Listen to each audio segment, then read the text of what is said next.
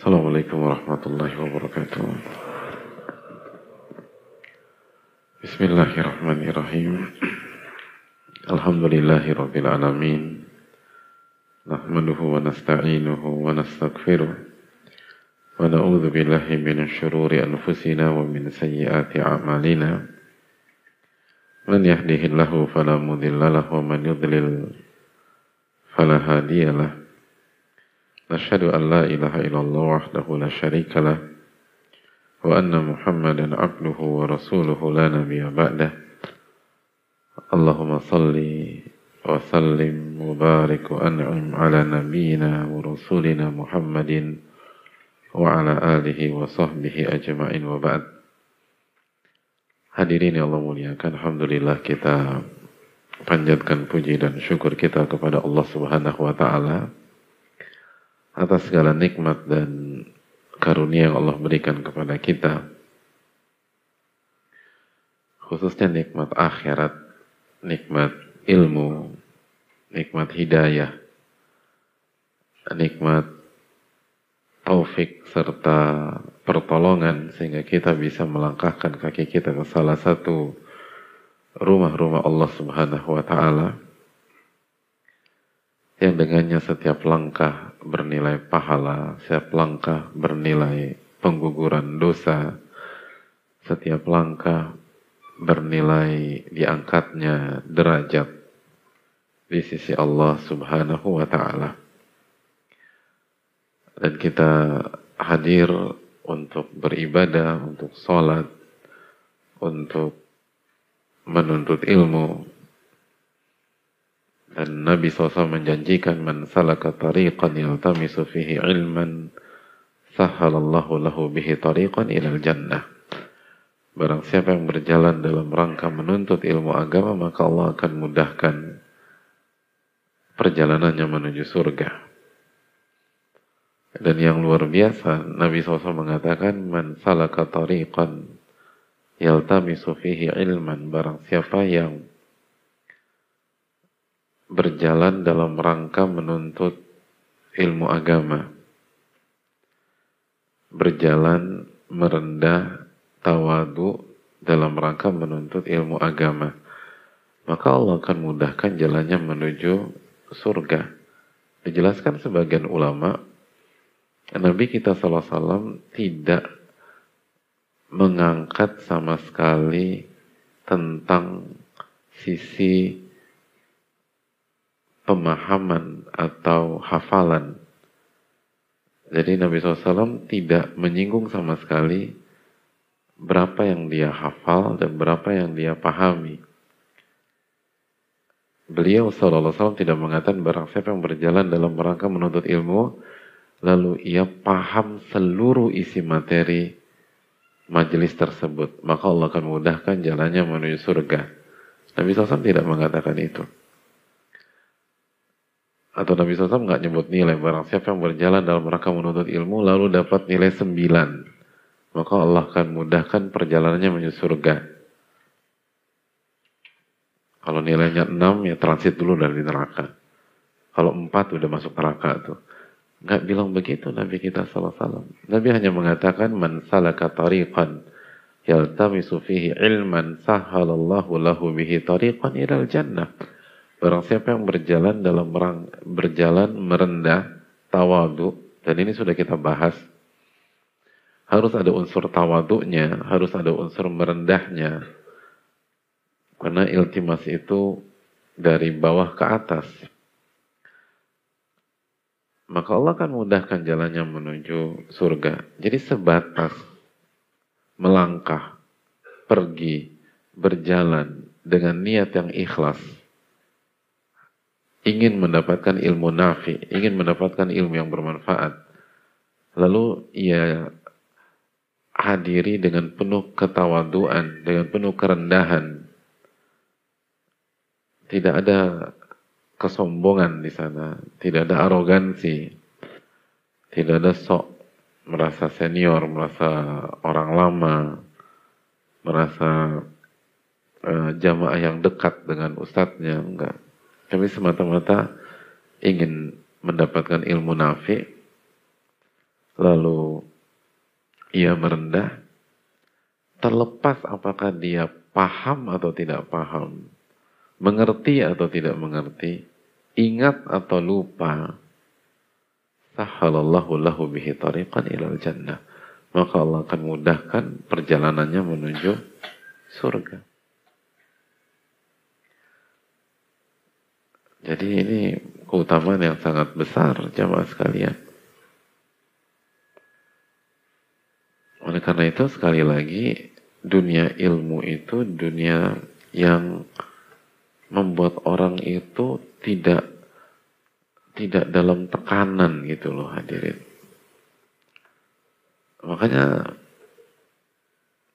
orang yang belajar atau nggak bisa dibenarkan orang stres atau depresi ketika belajar agama nggak ada. Oh, sebatas ini aja jalannya di, ke menuju surga dimudahkan sama Allah. Kata sebagian para ulama. Dan kita hanya disuruh untuk bertakwa. Dan takwa itu titik maksimalnya adalah sesuai kemampuan kita. Fattakullaha mastata'tum. Bertakwalah kepada Allah semampu kalian. Kita tidak di, dinilai dan dibandingkan dengan teman kita kita tidak dinilai lalu dibandingkan dengan sahabat kita. Karena setiap orang punya kemampuan beda-beda. Dan setiap orang dituntut sesuai dengan kemampuan yang berbeda tersebut. Dari Allah Tabaraka wa Ta'ala. Jadi benar-benar yang ditawarkan itu ketenangan. Yang ditawarkan itu eh, rahmat, kasih sayang. Yang ditawarkan itu sakinah, Makanya kan Nabi SAW bersabda, Majtama'a qawmun fi baitin min buyutillah yatluna kitab Allah wa yatadarasuna bainahum illa nazalat alaihim sakinah. Tidaklah adalah tidaklah ada sebuah kelompok atau komunitas atau sekelompok orang yang berada di salah satu rumah-rumah Allah atau di majelis ilmu yang lain mereka membaca Al-Quran, mereka saling mempelajari. Tidaklah aktivitas itu mereka kerjakan kecuali nazalat alaihi musakina. Akan ada ketenangan dalam diri mereka. Allah akan turunkan sakinah. Ketenangan. Wa nazalat humur rahmah. Nazalat alaihi musakina wa hafa wa rahmah dan mereka akan diliputi dengan rahmat Allah tabaraka ta'ala. Wahafathumul malaika dan malaikat akan menaungi mereka. Wa dzakarahumullahu fi man indah dan Allah akan sebutkan dan banggakan mereka di hadapan malaikat-malaikatnya. Maka apa bukankah ini yang dicari oleh banyak orang dan banyak uh, pihak di dunia ini? Bukankah ada orang menempuh perjalanan ribuan kilometer apa, terbang ke negeri yang satu, ke negeri yang lain, hanya mendapatkan ketenangan, mencari ketenangan, dan mereka nggak mendapatkan. Karena ketenangan itu milik Allah, dan Allah memberikan kepada pihak yang memenuhi syarat dan ketentuan yang Allah berikan. Dan salah satunya adalah majelis ilmu nazalat alaihi sakinah. Allah akan memberikan ketenangan. Allah akan memberikan ketenangan. Oleh karena itu hadirin yang Allah muliakan bersyukurlah kepada Allah Subhanahu wa taala. Majelis ilmu tidak menawarkan harta memang hadirin. Tidak menawarkan kupon atau uh, piring cantik atau piring yang nggak cantik terserah apalah itu. Tapi majelis itu menawarkan kornya kehidupan, inti dari kehidupan, yaitu ketenangan. Karena itu yang dicari oleh manusia. Adapun harta itu sarana. Walaupun dianggap banyak kita menjadi tujuan, tapi itu hanya sarana untuk bertahan hidup, bukan sarana bahagia juga sarana bertahan hidup. Karena fungsinya alat tukar dan fungsi barter pertukaran untuk pada dasarnya bertahan hidup. Adapun kebahagiaan butuh wahyu hadirin. Wahyu. Oleh karena itu jamaah yang Allah muliakan marilah kita mensyukuri nikmat Allah tersebut. Uh, majelis-majelis ilmu itu mahal dan jangan berpikir uh, sederhana loh. Di banyak negeri itu susah dapetin majelis ilmu. Susah mendapatkan kajian. Makanya sering, kadang-kadang kita perlu melihat keluar lagi biar kita bersyukur kepada Allah Subhanahu wa taala. Oleh karena marilah kita bersyukur kepada Rabbul Alamin dan ini PR besar kita. PR besar kita adalah bagaimana bersyukur. Sebagaimana dijelaskan sebagian para ulama klasik bahwa kegagalan manusia itu karena fokus atau terlalu fokus mengejar nikmat yang belum ia dapatkan dan lupa mensyukuri nikmat yang telah ia dapatkan. Padahal seharusnya kita syukuri dulu. Karena dengan kita bersyukur, la azidannakum dalam surat Ibrahim ayat 7, aku akan tambah nikmat tersebut. Tapi kalau sebatas mengejar, nggak ada garansi, nggak ada kepastian. Tapi kalau bersyukur, ada garansi dari Allah Subhanahu wa taala, ada kepastian. La in syakartum la azidannakum. Jika kalian bersyukur, aku akan tambah. Aku akan tambah. Maka PR besar kita di setiap kajian atau setelah pulang dari kajian adalah bagaimana kita bersyukur kepada Allah. Bagaimana kita bersyukur kepada Allah dan bagaimana kita bersyukur kepada manusia yang telah memberikan kita ilmu. Selalu berpikir demikian. Bagaimana bersyukur kepada Allah, lalu bersyukur kepada manusia. Hidup kan begitu, jemaah. Dan kalau kita berhasil bersyukur, maka Allah akan tambah, Allah akan tambah, Allah akan tambah. Dan kalau kita lupa bersyukur, inna azabi lasyadid. Azabku sangat pedih, kata Allah. Azabku sangat pedih. Nah, ketika kita punya, ketika kita belajar jemaah sekalian, maka seharusnya terjadi perubahan mental dan karakter. Mental dan karakter menuntut berubah menjadi mental dan karakter bersyukur Nah ketika terjadi perubahan itu, maka di situlah terjadi keajaiban dalam kehidupan kita. Hidup kita akan lebih tenang, lebih nyaman, lebih bahagia, lebih uh, lepas, lebih plong, nggak tertekan. Beda kalau mental tuh kita nuntut gitu, mana hak saya, mana ini kan harusnya punya saya Padahal yang yang yang dia dapatkan aja dia belum bersyukur. Ngapain anda menuntut-nuntut begitu? Udah syukuri belum yang kita punya? Karena setiap nikmat itu akan ditagih syukurnya oleh Allah tabaraka wa taala. Thumma la tus'alunna yawma idzin 'anil na'im. Lalu kalian akan ditanya pada hari kiamat tentang nikmat-nikmat yang kalian dapatkan di dunia.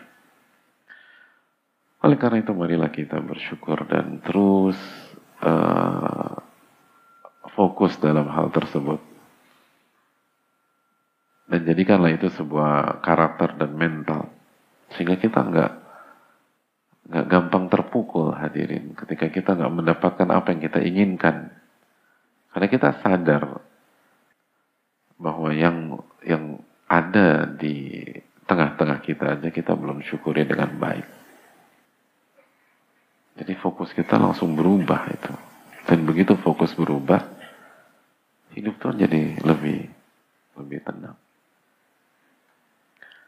Lebih tenang. Iya sih? Ada orang ambisi, keterima di PTN misalnya. Kalau dia nggak nggak fokus bersyukur, begitu dia berambisi keterima di PTN dan tidak diterima, dia akan terpuruk hadir. Dia akan hancur. Tapi kalau dia mikir, hmm, nikmat ilmu di SMA saja belum saya syukuri, gitu. Ya mungkin ini jalannya. Biar nikmat itu nggak numpuk. Nanti gimana pertanggungjawaban nikmat tersebut di hari kiamat kelak? Kan harus berpikir begitu kan orang beriman tuh. Ini nikmat ilmu di SMA udah kita syukuri belum? Oh iya ternyata mungkin itu penyebab aku nggak lulus, aku kurang bersyukur. Coba aku syukuri dulu, tambah dekat sama Allah dan seterusnya. Alhamdulillah hidup tenang ketika ngadepin kegagalan seperti itu. Dan nanti itu akan menjadi jalan keberhasilan dari jalur yang lain atau di kotak yang lain. Jadi nah, itu yang perlu kita tahu dan dan itu mental para juara jemaah. Sedikit yang punya mental itu. Allah yang berfirman wa qalilun min ibadiyas syakur. Sedikit hambaku yang bersyukur. Gak banyak. Itu pencipta kita yang mengatakan sedikit hambaku yang bersyukur. Surat Sabah ayat 13. Sedikit, gak banyak.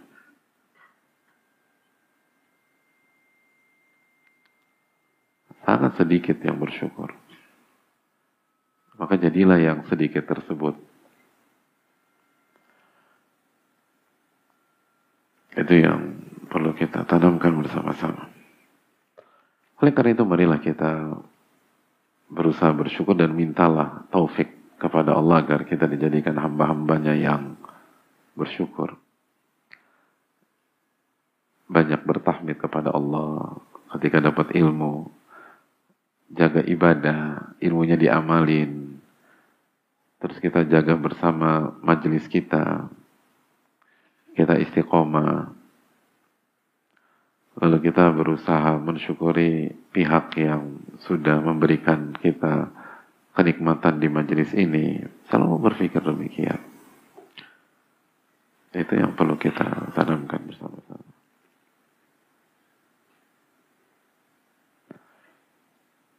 Ya. Oleh karena itu, marilah kita bersyukur dan minta kepada Allah ilmu nafi. Selanjutnya salawat dan salam semoga senantiasa tercurahkan kepada junjungan kita, teladan kita, Rasulullah alaihi salatu wassalam, beserta para keluarga, para sahabat dan orang-orang yang istiqomah berjalan di bawah naungan sunnah beliau sampai hari kiamat kelak. Hadirin yang Allah muliakan, poin yang berikutnya, uh, sadarkah kita kita berada di sebuah dimensi waktu yang diistimewakan oleh para ulama. Kita masuk ke bulan apa nih hadirin? Al-Muharram. Dan Abu Uthman An-Nahdi menyatakan kanu yu'azzimuna thalatha asyarat. Para ulama kita, sahabat, dan berikutnya itu mereka memuliakan dan mengagungkan tiga dimensi waktu yang setiap waktunya berjumlah sepuluh hari. Talata asyarat. Yang pertama apa hadirin? Apa yang pertama? Hah? Ya kalau antum blank langsung aja tembak 10 hari pertama Al-Muharram Pak Ustaz. Kan jelas gitu konteksnya. Gitu. Kan nggak mungkin kita bicara so far, misalnya. Yang pertama apa? Hah? Loh, tadi udah dikasih tahu tembak aja 10 hari pertama Al-Muharram. Insya Allah benar. Orang konteksnya kita bicara itu. Tapi kalau kita melihat urutannya, Al-Ashr al-Akhir min Ramadan, 10 hari terakhir di Ramadan. Itu dimuliakan oleh para ulama klasik. Yang kedua, wal ashral awal min dhil hijjah dan 10 hari pertama di bulan dhul hijjah. Dan yang ketiga wal ashral awal min muharram. Dan 10 hari pertama di bulan al muharram itu dimuliakan dan dispesialkan oleh para ulama kita. Jadi hadirin selamat datang di waktu yang dimuliakan oleh para ulama, para wali Allah, para salihin, para aulia, para fukoha, para atqiya. Kita berada di hari-hari yang sangat istimewa. Oleh karena itu, uh, sadarlah dulu bahwa kita berada di hari yang uh, penting. Lalu baru pertanyaannya, apa yang membuat hari-hari ini bernilai di tengah-tengah para ulama? Di antaranya tentu saja karena Al-Muharram adalah bulan terakhir dari tiga bulan haram yang datang berturut-turut. Sebagaimana yang Allah firmankan dalam surat At-Taubah ayat 36 dan dijelaskan keterangannya oleh Rasulullah Sallallahu Alaihi Wasallam. At-Taubah 36 minha arba'atun hurum dan di antara 12 bulan itu ada empat bulan yang mulia. Lalu Nabi SAW menjelaskan tiga bulan datang berturut-turut Dhul Qa'dah, Dhul Hijjah, dan Al-Muharram Rajabu Mudar. Dhul kita sudah lewati. Dhul Hijjah kita baru saja akhiri. Dan yang ketiga Al-Muharram. Berarti kita berada di bulan terakhir dari tiga bulan haram yang datang berturut-turut. Jadi tan tanpa terasa, waktu cepat sekali hadirin. Tanpa terasa dua bulan haram berakhir. Yang tersisa tinggal satu bulan. Al-Muharram. Dan kalau kita ingin mendapatkan keutamaan bulan haram, kita harus tunggu sampai rojab lagi. Lama hadirin. Rojab bulan ketujuh. Al-Muharram bulan pertama. Kita harus melewati bulan kedua, ketiga, keempat, kelima, keenam. Oleh karena itu hadirin yang Allah muliakan, barang siapa yang merasa tidak maksimal di dua bulan kemarin, yang merasa banyak lalainya di dua bulan kemarin, terlalu sibuk ngurusin dunia di dua bulan kemarin, maksimalkan satu bulan ini. Maksimalkan. ini bulan haram di mana kita sudah ulang-ulang terus keterangan Ibnu Abbas dan para ulama bahwa pahala dari setiap ibadah di bulan haram dilipat gandakan oleh Allah dan dosa di empat bulan haram dilipat gandakan oleh Allah Subhanahu wa taala. Jadi tolong maksimalkan bulan Al-Muharram ini. Dan di antara ibadah yang hendaknya kita tekankan dibanding di, di apa di saat kita bebas mengerjakan berbagai macam ibadah adalah apa? Puasa. Nabi SAW bersabda dalam hadis Muslim, "Afdal siyam ba'da syahri Ramadan, syahrullahi alladhi tada'unahu al-muharram." Wa afdal salati ba'da al-faridah qiyamul lail seafdol-afdol, sebaik-baik puasa setelah bulan Ramadan adalah puasa di bulan Allah yang kalian namakan Al-Muharram. Dan seafdol-afdol salat setelah salat wajib adalah Qiyamul Lail. Qiyamul Lail. Jadi sebaik-baik puasa setelah Ramadan adalah puasa di bulan Al-Muharram. Dan sebaik-baik sholat setelah sholat wajib subuh, zuhur, asar, maghrib, isya adalah qiyamul lail. Maka ini adalah momentum memperbanyak puasa hadirin. Dan hadis ini menunjukkan bahwa bicara tentang Al-Muharram bukan sebatas tentang puasa Ashura. Walaupun jelas puasa Ashura adalah prima donanya. Insya Allah nanti kita tekankan. Tapi ini bulan-bulan puasa sunnah jemaah.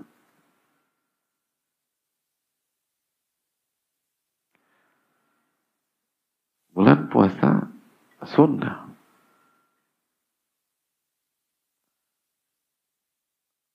Sangat mulia.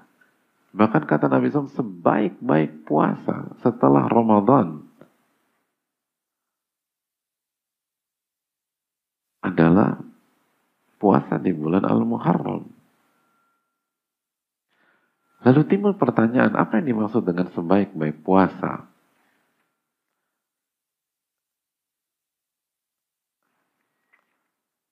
Atau timbul pertanyaan juga, bukankah yang paling afdol itu puasa Arafah Pak Ustadz? Atau bukankah uh, puasa enam hari Syawal itu sangat bergengsi, enam hari dinilai sebagai enam hari puasa sunat dinilai sebagai puasa wajib. Dijelaskan oleh sebagian para ulama.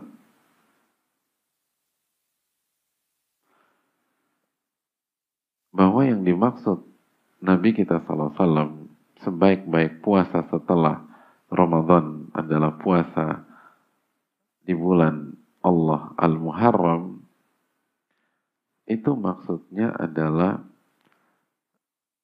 uh, puasa sunnah mutlak di kategori satu bulan gitu loh. Karena dijelaskan sebagian para ulama sebaik-baik puasa sunnah itu dilihat dari sisi kategorinya. Ulama mengatakan kalau kategori satuan, maka puasa Arafah.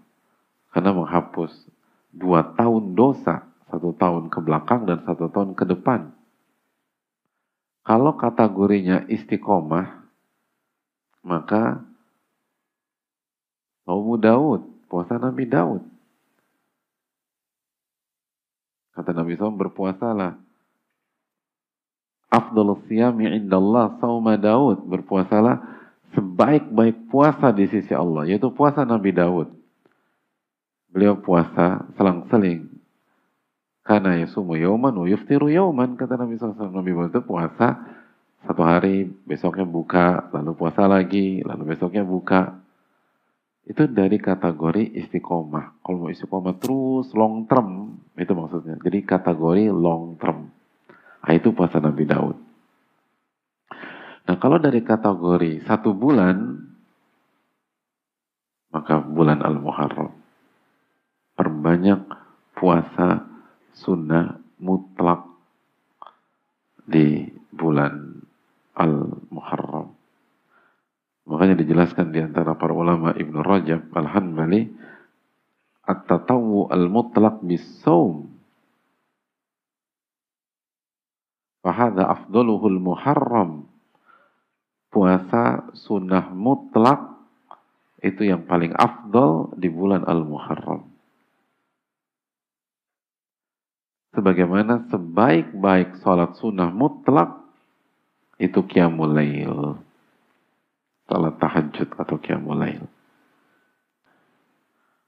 Itu poinnya. Jadi nggak usah nunggu tanggal 9, tanggal 10, tanggal 11. Ini dari tanggal 1 sampai selesai waktu untuk berpuasa. Waktu untuk berpuasa. Tinggal terjadi perbedaan lagi di kalangan para ulama. Apakah boleh puasa full atau jangan di fullkan. Jangan di uh, ya, bolongkanlah satu dua hari. Aku alhamdulillah sih setiap tahun aku bolongkan 29 hari Pak Ustadz. Ya berarti kita cuma puasa tanggal 10 doang, Ashura. Itu bukan Itu beda dalil, beda kota. Bahkan sebagian ulama sapu bersih di empat bulan haram. Seperti Ibnu Umar, Al-Hasan, Al-Basri, dan lain-lain. Itu puasa empat bulan haram full. Makanya yang mau full pun ada ada contoh, diriwayatkan ada contohnya dari para sahabat. Hanya saja kalau ingin benar-benar uh, mendekati praktek Rasulullah Shallallahu Alaihi sebagaimana dikatakan Aisyah maka Nabi SAW tidak tidak pernah terlihat berpuasa full kecuali di Ramadan Sallallahu Alaihi Wasallam. Tapi intinya ini waktu ber kembali memperbanyak puasa sunnah mutlak hadirin. Jadi niatnya apa? Niatnya puasa sunnah mutlak di bulan Al-Muharram. Kecuali kalau nanti tanggal 10 niat puasa Ashura itu hal poin. Jadi yang yang disunahkan bukan hanya tanggal 10 saja. Ini dari awal sampai akhir waktu berpuasa. Tinggal kita pilih saja. Kita pilih saja. Apalagi diriwayatkan sebagian ulama klasik seperti Ibnu Umar, Al-Hasan bahkan sampai sapu bersih. Artinya ini semakin membuat kita nyaman untuk bisa lebih lebih memilih waktu di di uh, bulan ini. Maka jamaah yang Allah muliakan jangan jangan lepaskan ini bulan terakhir dari tiga bulan haram yang berturut-turut bulan terakhir kita harus nunggu sampai rojab lagi baru kita masuk ke bulan spesial. Lama hadirin. Jadi jangan sia-siakan, mumpung di awal. Jadi kembali maksimalkan puasa sunnah, sholat-sholat sunnah, baca Quran lagi di bulan ini, banyak berzikir, banyak infak, banyak sedekah. Kalau mau takjil zakat, kalau mau menyegerakan zakat ini juga momen yang baik bantu orang di bulan ini. Ini momentum, momentum hadirin. Sangat, sangat penting. Uh, bulan Muharram sangat, uh, sangat sayang untuk dilewatkan. Dan kita sering kali menelantarkan bulan ini dari tahun-tahun yang lalu. Jadi jangan sampai kejadian di tahun ini. Dan khususnya perbanyak puasa di bulan ini. Sesuai dengan kemampuan kita. Sesuai dengan kesanggupan kita dan sesuai dengan kondisi kita. Setiap orang beda-beda. Setiap orang berbeda-beda. Jadi kalau ada, kalau ada yang bertanya, boleh nggak sih kita puasa sunnah di bulan ini Senin, Selasa, Rabu, Kamis, Jumat? Boleh-boleh aja. Bang Ibnu Umar sapu bersih. Cuman yang lebih mendekati tuntunan Nabi SAW, jangan seluruhnya. Ada satu, dua, atau tiga di, dilepaslah. Dan isi dengan yang lain. Lalu kasih makan orang yang berbuka puasa. Biar kalau kita nggak bisa maksimal di puasa di bulan ini, kita tahu ada saudara kita atau teman kita memperbanyak puasa sunnah mutlak di bulan Al-Muharram, kita uh, makanan untuk buka puasa. Lalu uh, kalau perlu bilang berkenankah kalau saya kasih apa makan berbukanya dari saya dan seterusnya. Saya Allah bulan ini nggak maksimal ada urusan sana urusan sini. Tapi saya pengen dapat pahala puasa. Karena ini sebaik-baik puasa kata Nabi SAW di kategori bulan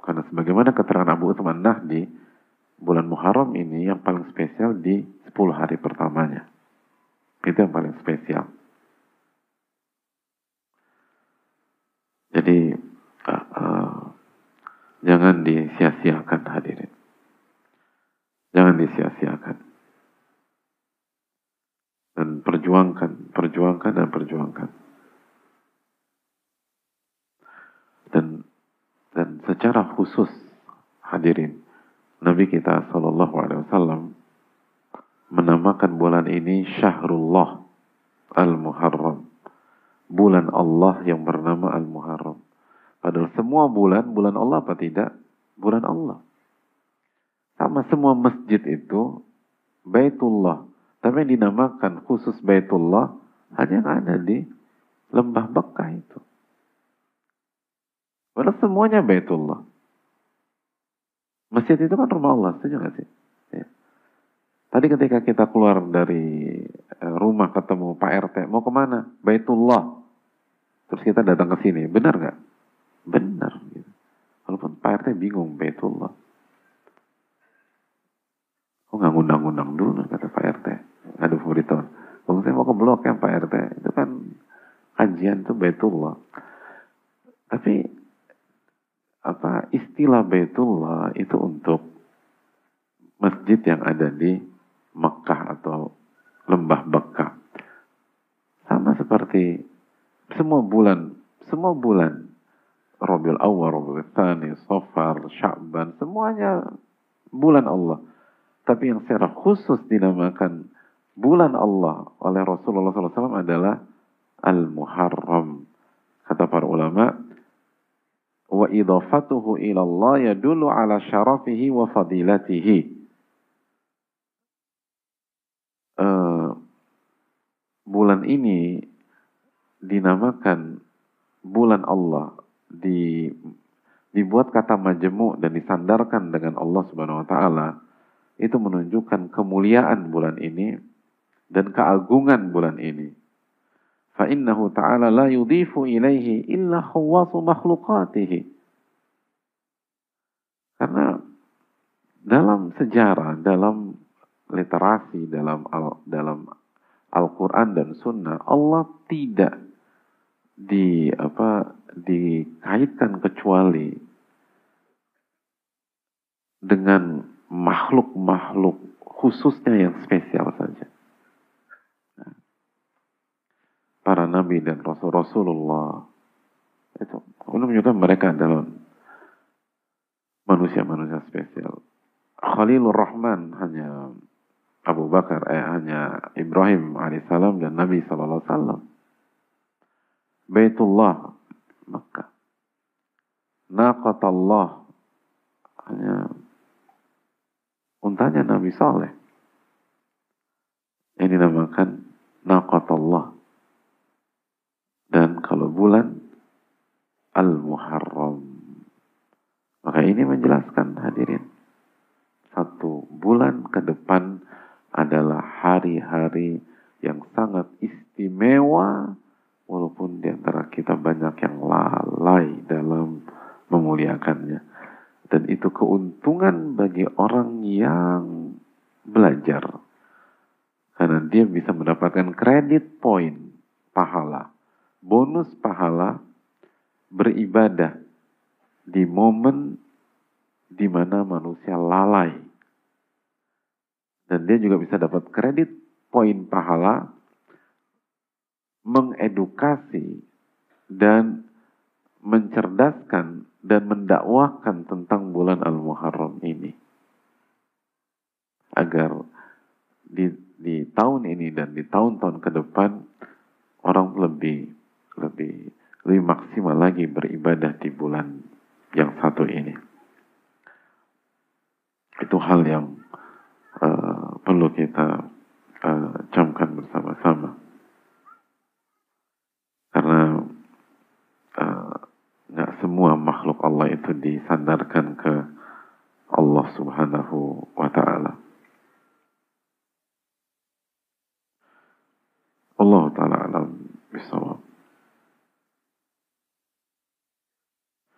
Makanya sebagian ulama mengatakan, makanya ibadah atau di antara ibadah yang paling ditekankan di Al-Muharram adalah puasa. Karena puasa adalah ibadah yang rahasia, yang intim antara seorang hamba dengan Allah. Intimate kan puasa itu. Rahasia. Kata para ulama, asyam sir bainal abdi wa baina rabbihi. Puasa itu adalah ibadah rahasia antara seorang hamba dengan Allah. Jadi karena ini bulan-bulan yang spesial, langsung disematkan ke Allah, maka ibadahnya pun juga ibadah yang karakternya itu karakter keintiman. Makanya banyak eh, sebagian para ulama ketika membahas bulan Al-Muharram ada dua ibadah yang ditekankan oleh para ulama. Yang pertama puasa, yang kedua qiyamul Qiyamul Dan dua ibadah ini dua ibadah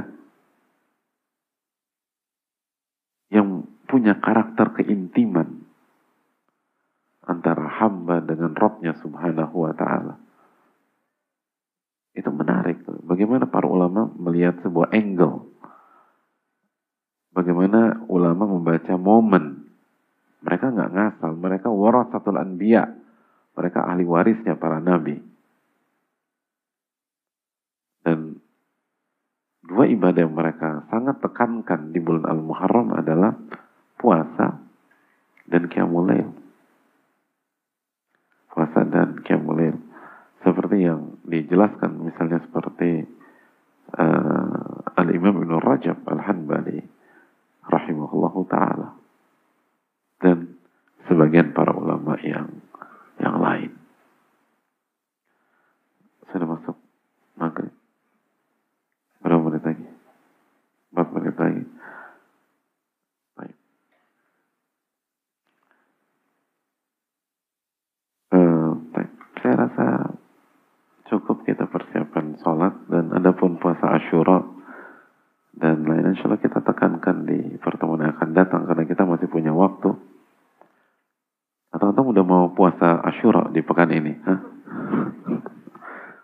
jangan ya puasa Ashura tanggal 10 jadi insya Allah kita bisa bahas di pertemuan depan. Saya rasa cukup dan pada maghrib kita masuk ke tadkiratus sami. Wassalamualaikum warahmatullahi wabarakatuh Assalamualaikum warahmatullahi wabarakatuh. Bismillahirrahmanirrahim. Alhamdulillah. Wassalatu wassalamu ala rasulillah. Wa ala alihi wa sahbihi wa wa ba'd. Hmm.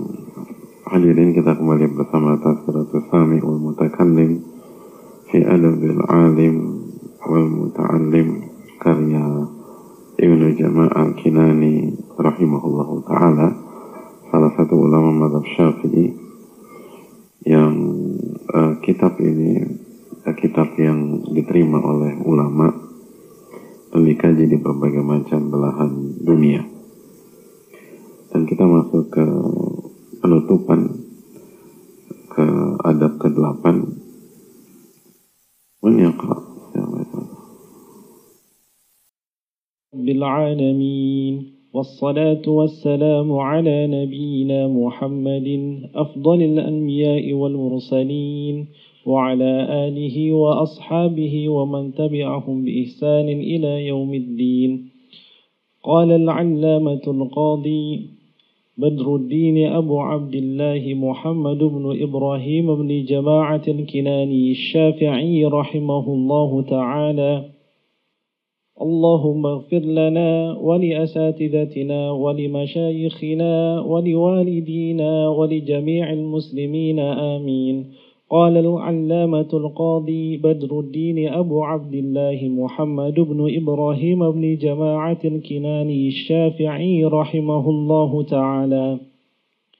الثامن معاملة الناس بمكارم الأخلاق. من طلاقة الوجه وإفشاء السلام وإطعام الطعام وكظم الغيظ وكف الأذى عن الناس واحتماله منهم والإيثار وترك الاستئثار والإنصاف وترك الاستنصاف وشكر التفضل وإيجاد الراحة والسعي في قضاء الحاجات وبذل الجاه في الشفاعة والتلطف بالفقراء والتحبب إلى الجيران والأقرباء والرفق بالطلب والرفق بالطلبة وإعانتهم وبرهم كما سيأتي إن شاء الله تعالى. وإذا رأى من لا يقيم صلاته أو طهارته أو شيئا من الواجبات فعليه إرشاده بتلطف ورفق كما فعل رسول الله صلى الله عليه وسلم مع الأعربي الذي بال في المسجد ومع, ومع معاوية بن الحكم لما تكلم في الصلاة Bismillahirrahmanirrahim. Alhamdulillah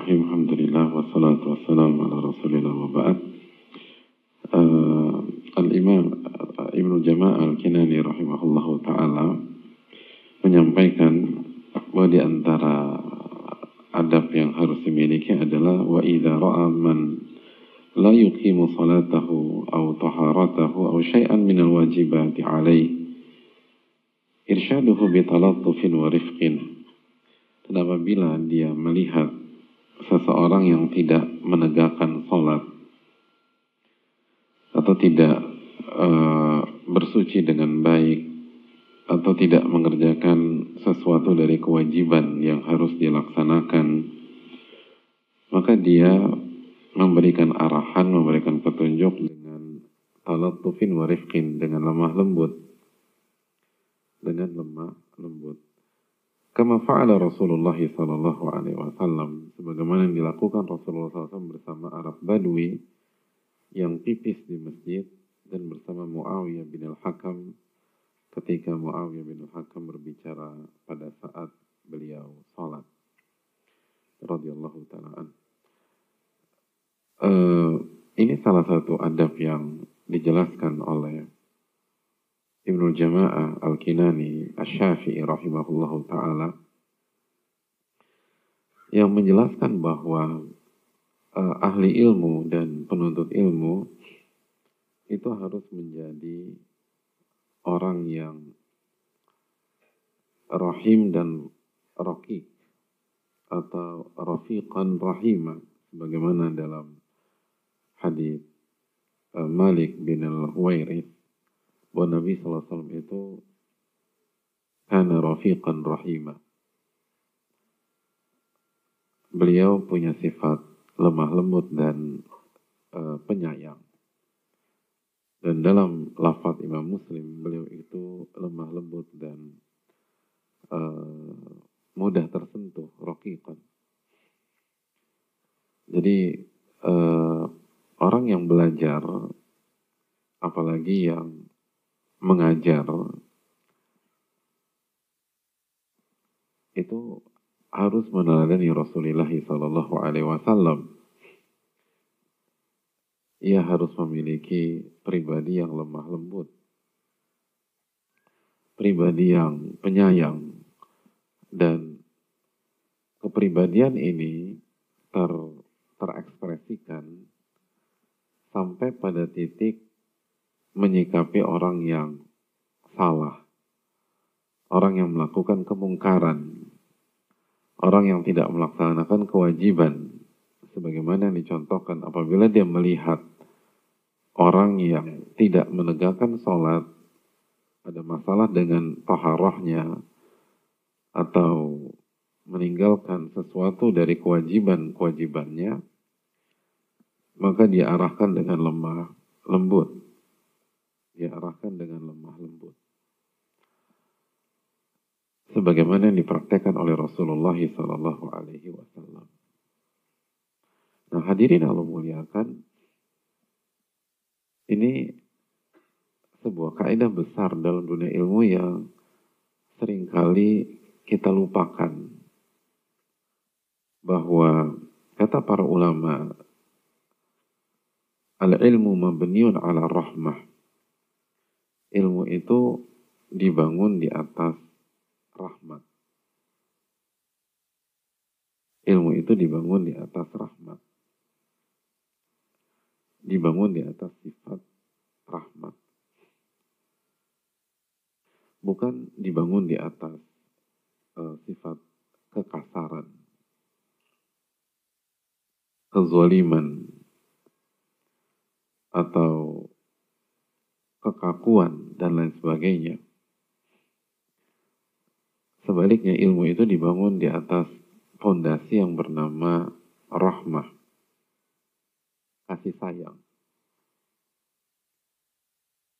Karena ilmu itu bersumber dari Al-Quran dan Sunnah, Al-Quran dan Hadis. Dan nama lain dari Al-Quran adalah rahmah. Allah berfirman dalam surat Yunus ayat ke-58, Qul bifadlillah wa birahmatihi fabidzalika falyafrahu huwa khairun mimma yajma'un. Katakanlah, hendaknya mereka bergembira dengan dua hal. Allah sebutkan dua hal dalam ayat ini. Yang pertama, fadlillah, karunia dari Allah. Dan yang kedua, rahmat. Jadi karunia dan rahmat. Karena karunia dan rahmat ini lebih mahal, lebih baik, lebih berharga daripada harta yang mereka kumpulkan.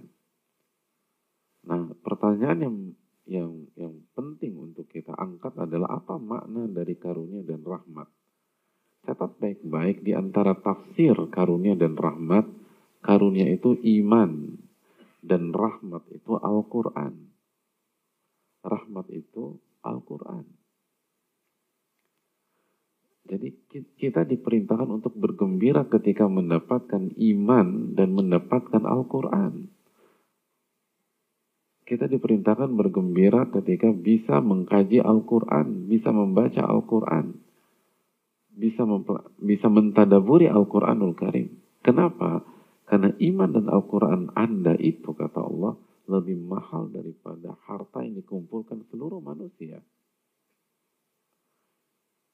Nah dari sini kita bisa menyimpulkan sebuah kesimpulan yang sangat sederhana tapi dalam bahwa Al-Quran adalah rahmat dan Al-Quran adalah sumber ilmu itu sendiri.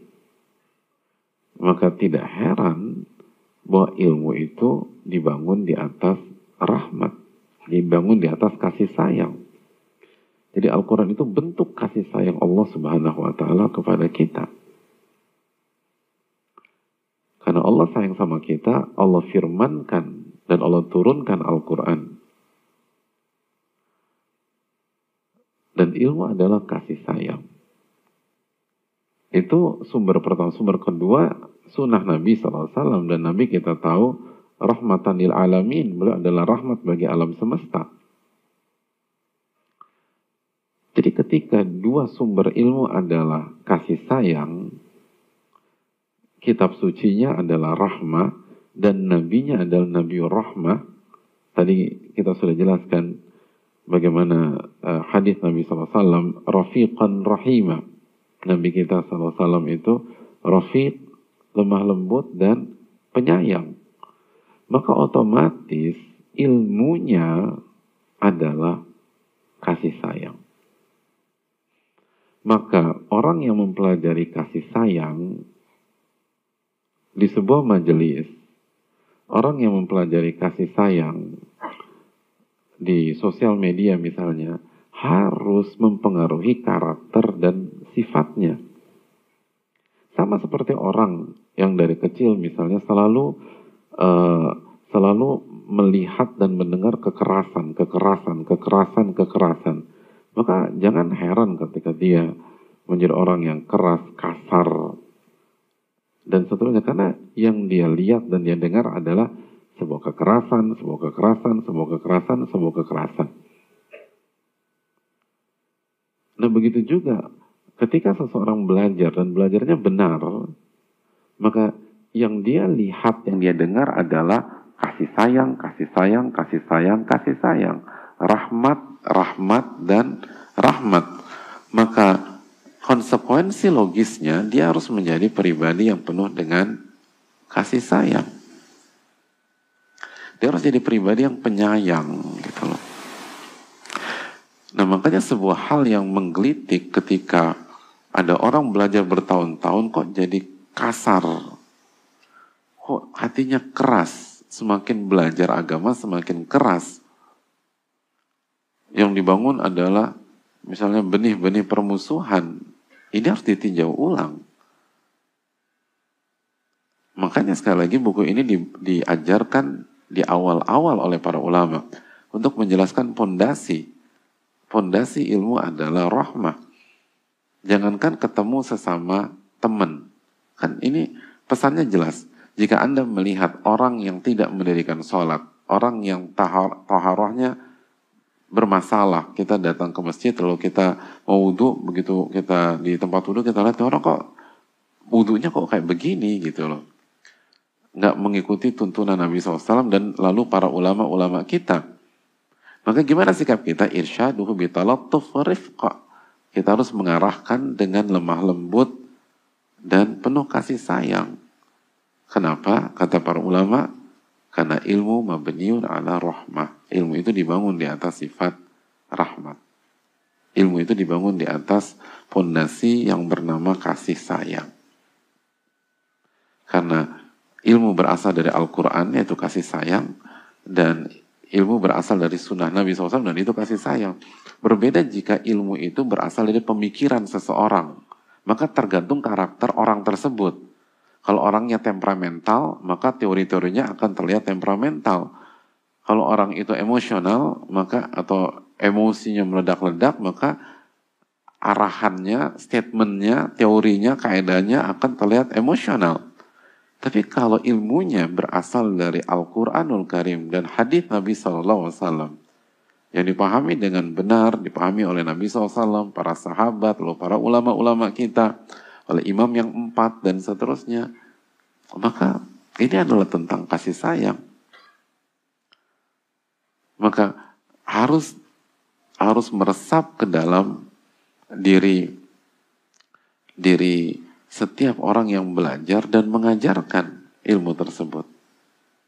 Harus penuh dengan sifat rahmah.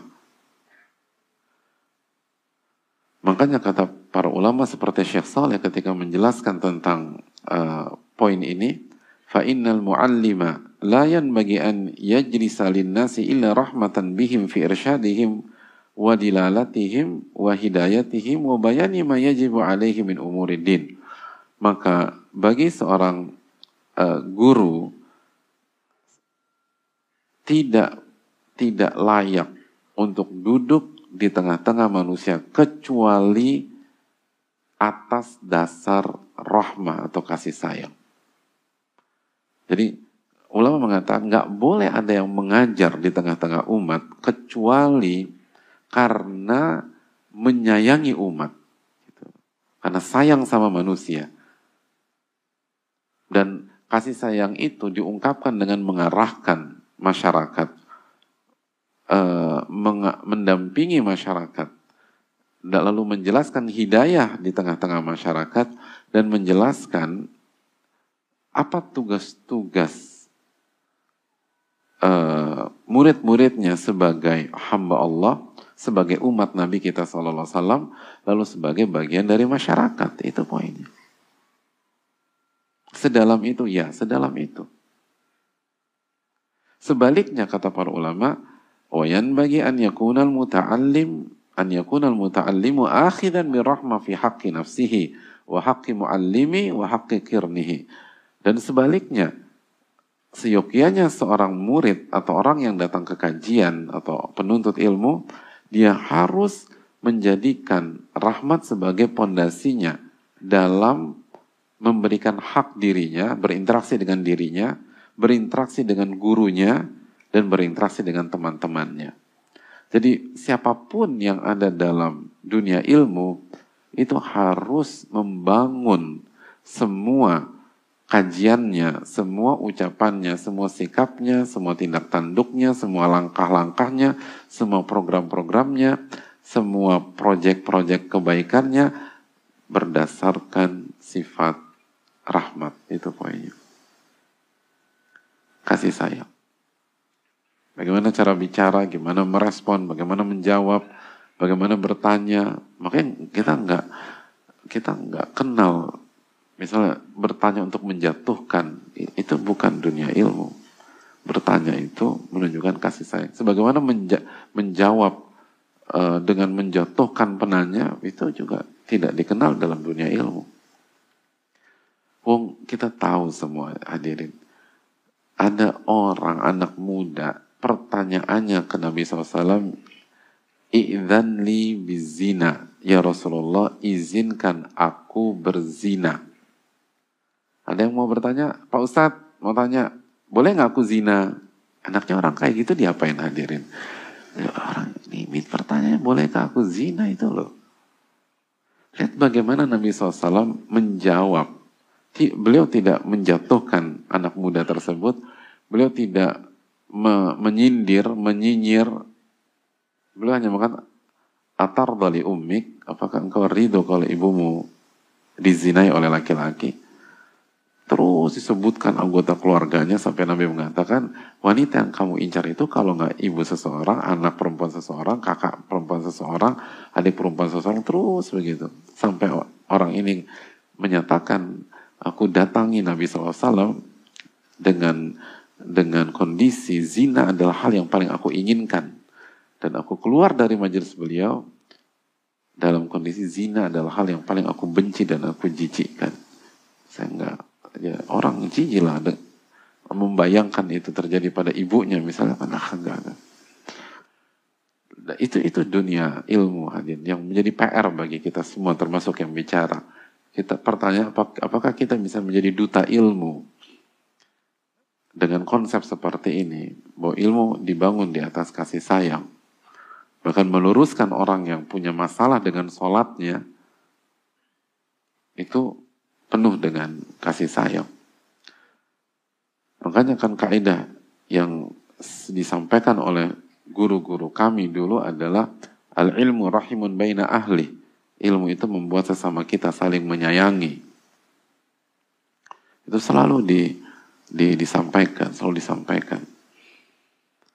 Sampai waktu itu saya saya butuh saya butuh referensi, lalu saya minta minta izin ke salah satu dosen. Saya, boleh nggak saya uh, uh, apa minta disertasi beliau, disertasi beliau tentang uh, hukum-hukum yang berkaitan dengan DNA, basmah warafiyah itu, dan ada ada bab dalam dalam waktu itu ada tugas karya tulis, saya butuh pembahasan itu.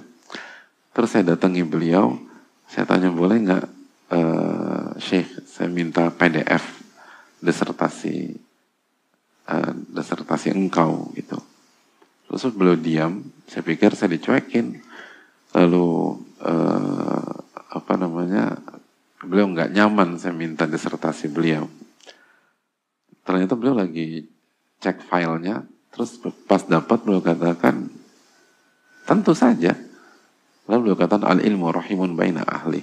Ilmu itu membuat kita saling menyayangi. Itu jawaban beliau. Jadi beliau nggak mengatakan, uh, tapi beliau bilang, jelas. Al-ilmu rahimun baina ahli. Lalu beliau tanya mana apa hard disk eksternal saya, saya kasih. Beliau kopikan, selesai. Jadi uh, itu kultur yang dibangun oleh guru-guru kit kami dulu. Al ilmu rahimun baina ahli. Ilmu itu membuat kita saling menyayangi. Ilmu membuat kita itu menjadi penyayang. Bukan pembenci, bukan pendendam, bukan amarah yang ditonjolkan. Nah itu adab yang harus dibangun. Kenapa demikian? Karena sekali lagi itu tadi. Dan dan yang paling esensi dari ini semua adalah bahwa Kita punya Rob yang bernama Ar-Rahman Ar-Rahim hadirin. Ar-Rahman Ar-Rahim. Yang maha pengasih lagi maha penyayang. Dan dua nama ini sangat ditonjolkan oleh Allah SWT. Sangat ditekankan. Makanya di dari banyak nama-nama Allah SWT yang Allah masukkan ke dalam surat yang harus dibaca oleh umat Islam setiap hari minimum 17 kali dalam sehari yaitu Al-Fatihah adalah Ar-Rahman Ar-Rahim. Ar-Rahman Ar-Rahim. Nabi kita meminta kita membaca basmalah. Dan yang ada di basmalah adalah Bismillahirrahmanirrahim. Itu pesan besar bahwa dua nama ini adalah dua nama yang yang harus ditekankan. Dan Nabi kita SAW mengatakan walillahi tis'atan wa tis'ina man ahsaha dakhalal jannah. Allah memiliki 99 nama. Barang siapa yang ihsa maka dia akan masuk surga. Apa arti ihsa? Siapa yang tahu angkatan? Apa arti ihsa? Sesungguhnya Allah memiliki 99 nama. Man ahsaha. Barang siapa yang ihsa, maka dia akan masuk surga. Apa arti ihsa? Aduh. Menghafal aja. Kurang tepat. Fadal. Memahaminya kurang tepat. Ada yang mengamalkan. Oke, okay. hadiahnya bagian itu bertiga. Coba. Oh. Antum bagi bertiga. Gimana caranya tuh? Ihsa itu memaham, mem, mem, memahami, lalu menghafalkan, lalu mengamalkan dan cara mengamalkan adalah dengan bertawasul dengan nama-nama tersebut dalam doa kita lalu mengamalkan muktadayati, mengamalkan konsekuensi dan makna dari nama tersebut. Ketika kita punya Rob yang maha pengasih agama penyayang, eh, biar nggak rebutan deh. Satu lagi. Ya, syukur. Ah, ketika kita punya Allah yang bernama yang maha pengasih lagi maha penyayang, maka kita harus berusaha menjadi pribadi yang penyayang. Itu poin. Dan ilmu ini adalah bentuk kasih sayang tertinggi. Karena ilmu adalah syarat bahagia di dunia dan di akhirat.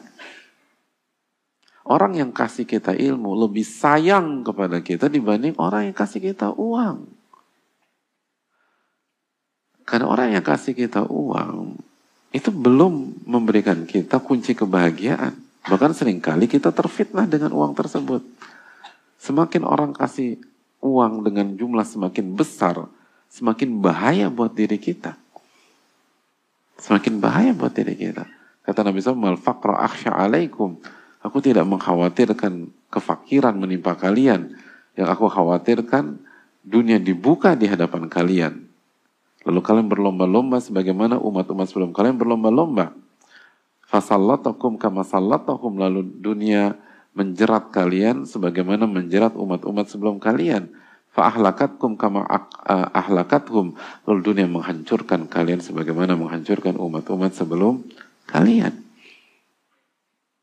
Nah kalau kita bisa menangkap pesan kasih sayang ke orang yang kasih kita uang, lalu bagaimana dengan orang yang memberikan kita ilmu?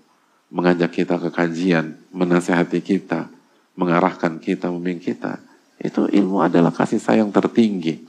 Karena ilmu adalah kunci kebahagiaan di dunia maupun di akhirat. Semakin banyak ilmu yang bermanfaat, ilmu nafi, semakin berkah hidup kita.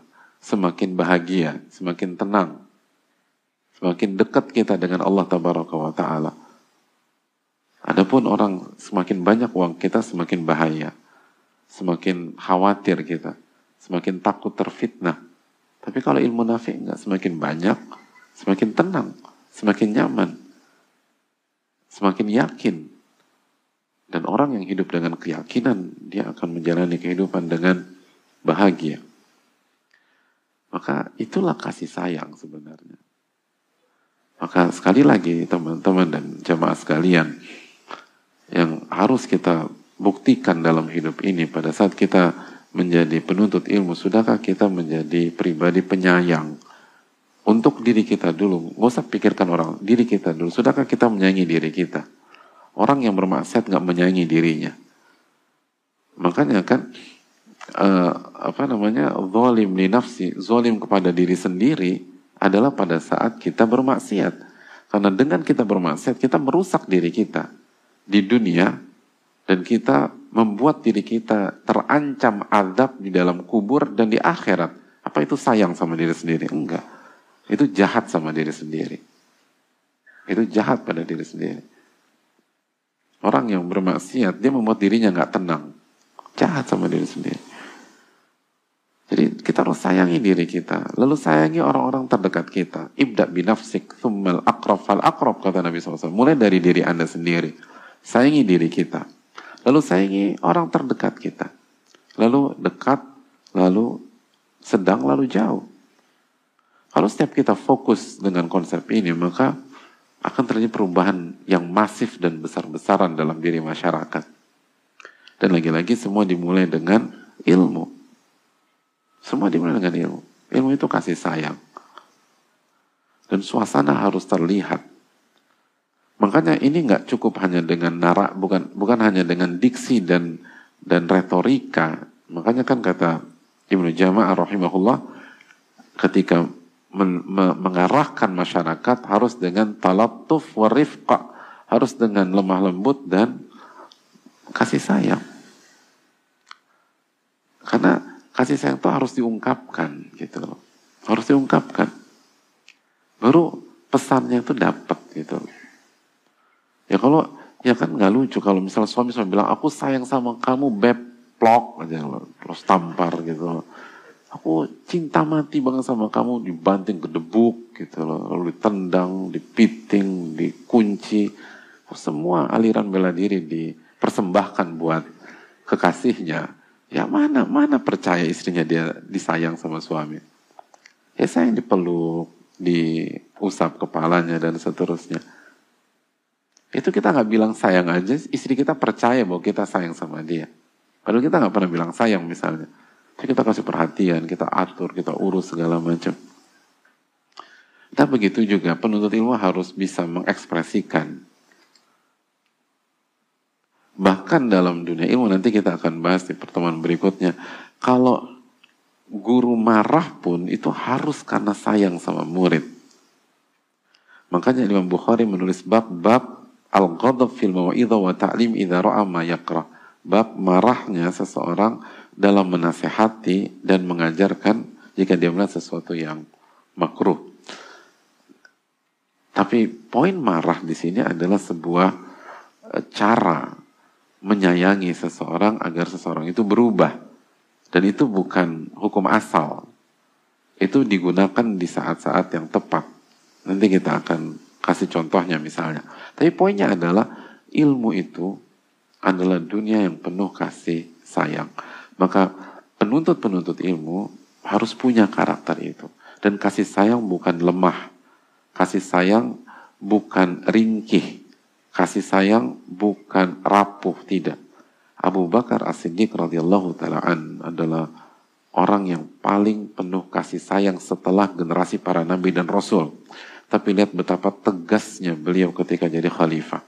Betapa tegasnya beliau ketika menghadapi uh, ahli riddah, orang-orang yang nggak mau bayar zakat dan seterusnya. Bahkan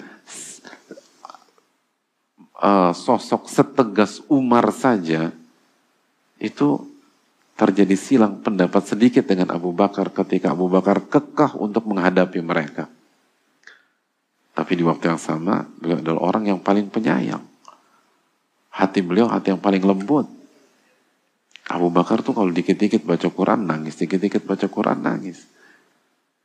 Tapi begitu memegang kebenaran, nggak ada yang bisa goyahkan beliau. Jadi menjadi penyayang itu takarrub, mendekatkan diri kepada Allah, bukan karena kita lemah. Lo dipalak sama dia, kalau diem aja, rahmah, rahmah. Itu bukan rahmah, lo takut sama dia begitu. Eh, itu sekali lagi rahmat itu adalah takarub kepada Allah, mendekatkan diri kepada Rabbul Alamin. Bukan bukan bukan kelemahan. Maka ini yang jadi PR. Kalau semua kita bisa kembali ke dasar ini, itu rumah tangga, orang yang sudah ngaji, orang yang hijrah, itu banyak sekali mengalami perubahan. Sang suami berubah, sang istri berubah, lalu anak-anak akan tertata. Tapi kalau kita ngaji hanya hanya ikut tren, hanya euforia, hanya penampilan, hanya ngumpul-ngumpul dengan komunitas, tapi tidak ada didikan di sana, tidak ada proses pembelajaran, dan tidak dibangun di atas pondasi rahmah, maka mau bertahun-tahun aktif juga nggak ada perubahan hadirin. Jadi ini yang perlu kita camkan. Saya rasa cukup kita dengarkan uh, azan dan kita buka waktu sedikit untuk sesi tanya jawab. Wassalamualaikum warahmatullahi wabarakatuh. Waalaikumsalam warahmatullahi wabarakatuh. Semoga Allah merahmati Imam Ibnu Jamaah, Ustadz, para panitia, serta para penuntut ilmu di mana pun berada. Amin ya alamin. Afan Ustadz izin bertanya mungkin bagi saya ini urgent. Saya seorang suami Alhamdulillah telah diberikan oleh Allah seorang anak yang baik dan soleha dan pekerjaan yang baik. Pada Allah saya akhir-akhir ini sering bertengkar dengan istri saya yang membuat saya tidak betah untuk berada di rumah kontrakan saya. Karena istri saya ingin sekali punya rumah tapi dengan luas tanah yang cukup besar. Terkadang saya menawarkan rumah luas tanah ke, eh, Terkadang saya menawarkan rumah luas tanah kecil tetapi tidak mau. Saya sangat takut sekali apabila mengambil rumah, apalagi hal tersebut pasti dilakukan secara hutang dalam jangka puluhan tahun. Saya takut ketika meninggal hutang tersebut belum lunas. Terkadang saya ketika nasihati dengan baik-baik terkait hutang dia suka marah dan melampiaskan kekesalannya ke anak. Saya takut hal ini tidak bisa, eh, saya takut hal ini bisa membuat saya semakin tidak betah dan berujung perceraian yang sangat merugikan anak-anak. Mohon nasihatnya untuk saya. Jazakallah khairan. Uh, telah dijawab. Ya terima kasih atas pertanyaannya. Yang pertama, uh, kita nggak bisa mengendalikan hati orang uh, jamaah sekalian, termasuk hati pasangan kita. Tapi kita punya Rob yang membolak-balikan hati kita dan hati pasangan kita. Maka berdoalah kepada Allah Subhanahu wa taala. Ya muqallibal qulub, wahai yang membolak-balikan hati, kokohkanlah hati saya, hati istri saya di atas agamamu. Itu hal yang perlu kita camkan dan kita doa terus. Terus yang kedua perbaiki ibadah kepada Allah Subhanahu wa taala. Lo perbanyak baca Rabbana hablana min azwajina wa dhurriyyatina qurrata a'yun waj'alna lil muttaqina imama. Ya Allah jadikanlah uh, istri dan keturunanku penyejuk mata dan hatiku dan jadikanlah aku imam bagi orang-orang yang bertakwa. Jadi minta uh, pertolongan kepada Allah Subhanahu wa taala dan perbaiki ibadah kita kepada Allah. Seringkali uh, itu karena kurangnya kita beribadah dan bertakwa kepada Allah walaupun ada kasus anomali walaupun suami udah bertakwa seperti apa pun ya istrinya nggak berubah tetap ada sebagaimana kasus Nabi Nuh kasus Nabi Lut uh, alaihi wassalam tapi itu anomali secara umum sering kali karena kita kurang mendekat kepada yang membolak-balikan hati pasangan kita lalu yang berikutnya coba evaluasi narasi yang kita bangun di keluarga narasi yang kita bangun. Apakah narasi materi atau narasi akhirat. Jadi itu hal yang perlu kita camkan. Lalu yang berikutnya kasih perhatian dan bicarakan secara lemah lembut dan ajak istri kita belajar agama, ajak istri kita ngaji dan seterusnya. Agar uh, ya uh, bisa di ini. Dan sekali lagi uh, masalah coba dihadapi jangan sampai membuat kita lebih suka di luar rumah Coba hadapi pelan-pelan dan semoga Allah kasih taufik. Seringkali ini tentang kuat-kuatan kesabaran. Siapa yang lebih sabar? Uh, apa manuver istri kita atau kesabaran kita dalam menghadapi beliau? Wallahu taala alam bisawab. Uh, Assalamualaikum warahmatullahi wabarakatuh. Waalaikumsalam warahmatullahi wabarakatuh. Ustadz saya sudah diwajibkan untuk menikah. Siapa yang wajibkan Anda? Oh, oh, ada kelanjutannya. Karena sudah tidak tahan lagi. Saya sudah berpuasa tapi tidak bisa. Syahwat itu tetap menggebu-gebu. Bagaimana solusinya Ustadz sedangkan saya belum siap untuk materi pernikahan. Uh, hadirin Allah muliakan. Yang pertama, uh, coba konsul dulu sama ahli ilmu. Seringkali yang khawatir nggak nggak objektif gitu loh. Coba konsultasi dulu. Terus yang kedua, puasa yang se seperti apa sudah kita laksanakan. Seringkali puasa kita nggak berdampak karena kita tidak benar-benar berpuasa sebagaimana idealnya dan dan maksimalnya gitu loh. Kurang melibatkan hati kita dan seterusnya. Coba evaluasi puasa kita. Terus yang ketiga, uh, inti pernikahan itu bukan tentang materi. Walaupun materi penting, Liunfik sa'atin min sa'ati. Namun, sekali lagi materi yang dituntut dalam pernikahan itu tidak sering kali tidak semengerikan yang dipikir orang awam. Kan materi yang yang dituntut dalam pernikahan apa sih? Apa materi yang dituntut pernikahan? Apa? Pertama apa? Mahar. Mahar ada nominal tertentu? Enggak ada. Kita bisa kasih apa? apa seperangkat alat sholat ya bisa seperangkat alat sholat atau apa gitu loh. Ini stabilo juga boleh. Loh bener. Kalau ditanya hukum fikih insya Allah banyak perempuan kan yang semua yang bernilai gitu loh. Atau kita ajarkan sesuatu kepada istri kita. Lalu setelah mahar apa? Walima aulim bisa gitu walima dan walima kan nggak harus seribu pack dua ribu pack dan seterusnya. Semampu aja gitu. Terus nafkah liun fikdu sa'atin min sa'ati. Kata Allah Subhanahu wa taala, hendaknya memberikan nafkah sesuai dengan kemampuannya. Dan menurut sebagian para ulama seperti Hanafiyah bahwa orang yang nggak yang apa yang nggak mampu dia tetap kasih nafkah semam, apa sesuai dengan kapasitasnya dan nggak boleh diceraikan gitu. Jadi sebenarnya sangat sangat memungkinkan lah Inti pernikahan itu adalah kesiapan, ketakwaan. Itu poinnya. Kesiapan kita sebagai pemimpin, sebagai uh, ketakwaan itu yang akan membuat pernikahan kita diberkahi oleh Allah Subhanahu wa taala. Mungkin ini yang bisa disampaikan jazakallahu khairan wa sallallahu wasallam ala nabiyina Muhammad wa ala alihi wasallam subhanaka wa la ilaha illa anta astaghfiruka wa atubu ilaik. Assalamualaikum warahmatullahi wabarakatuh.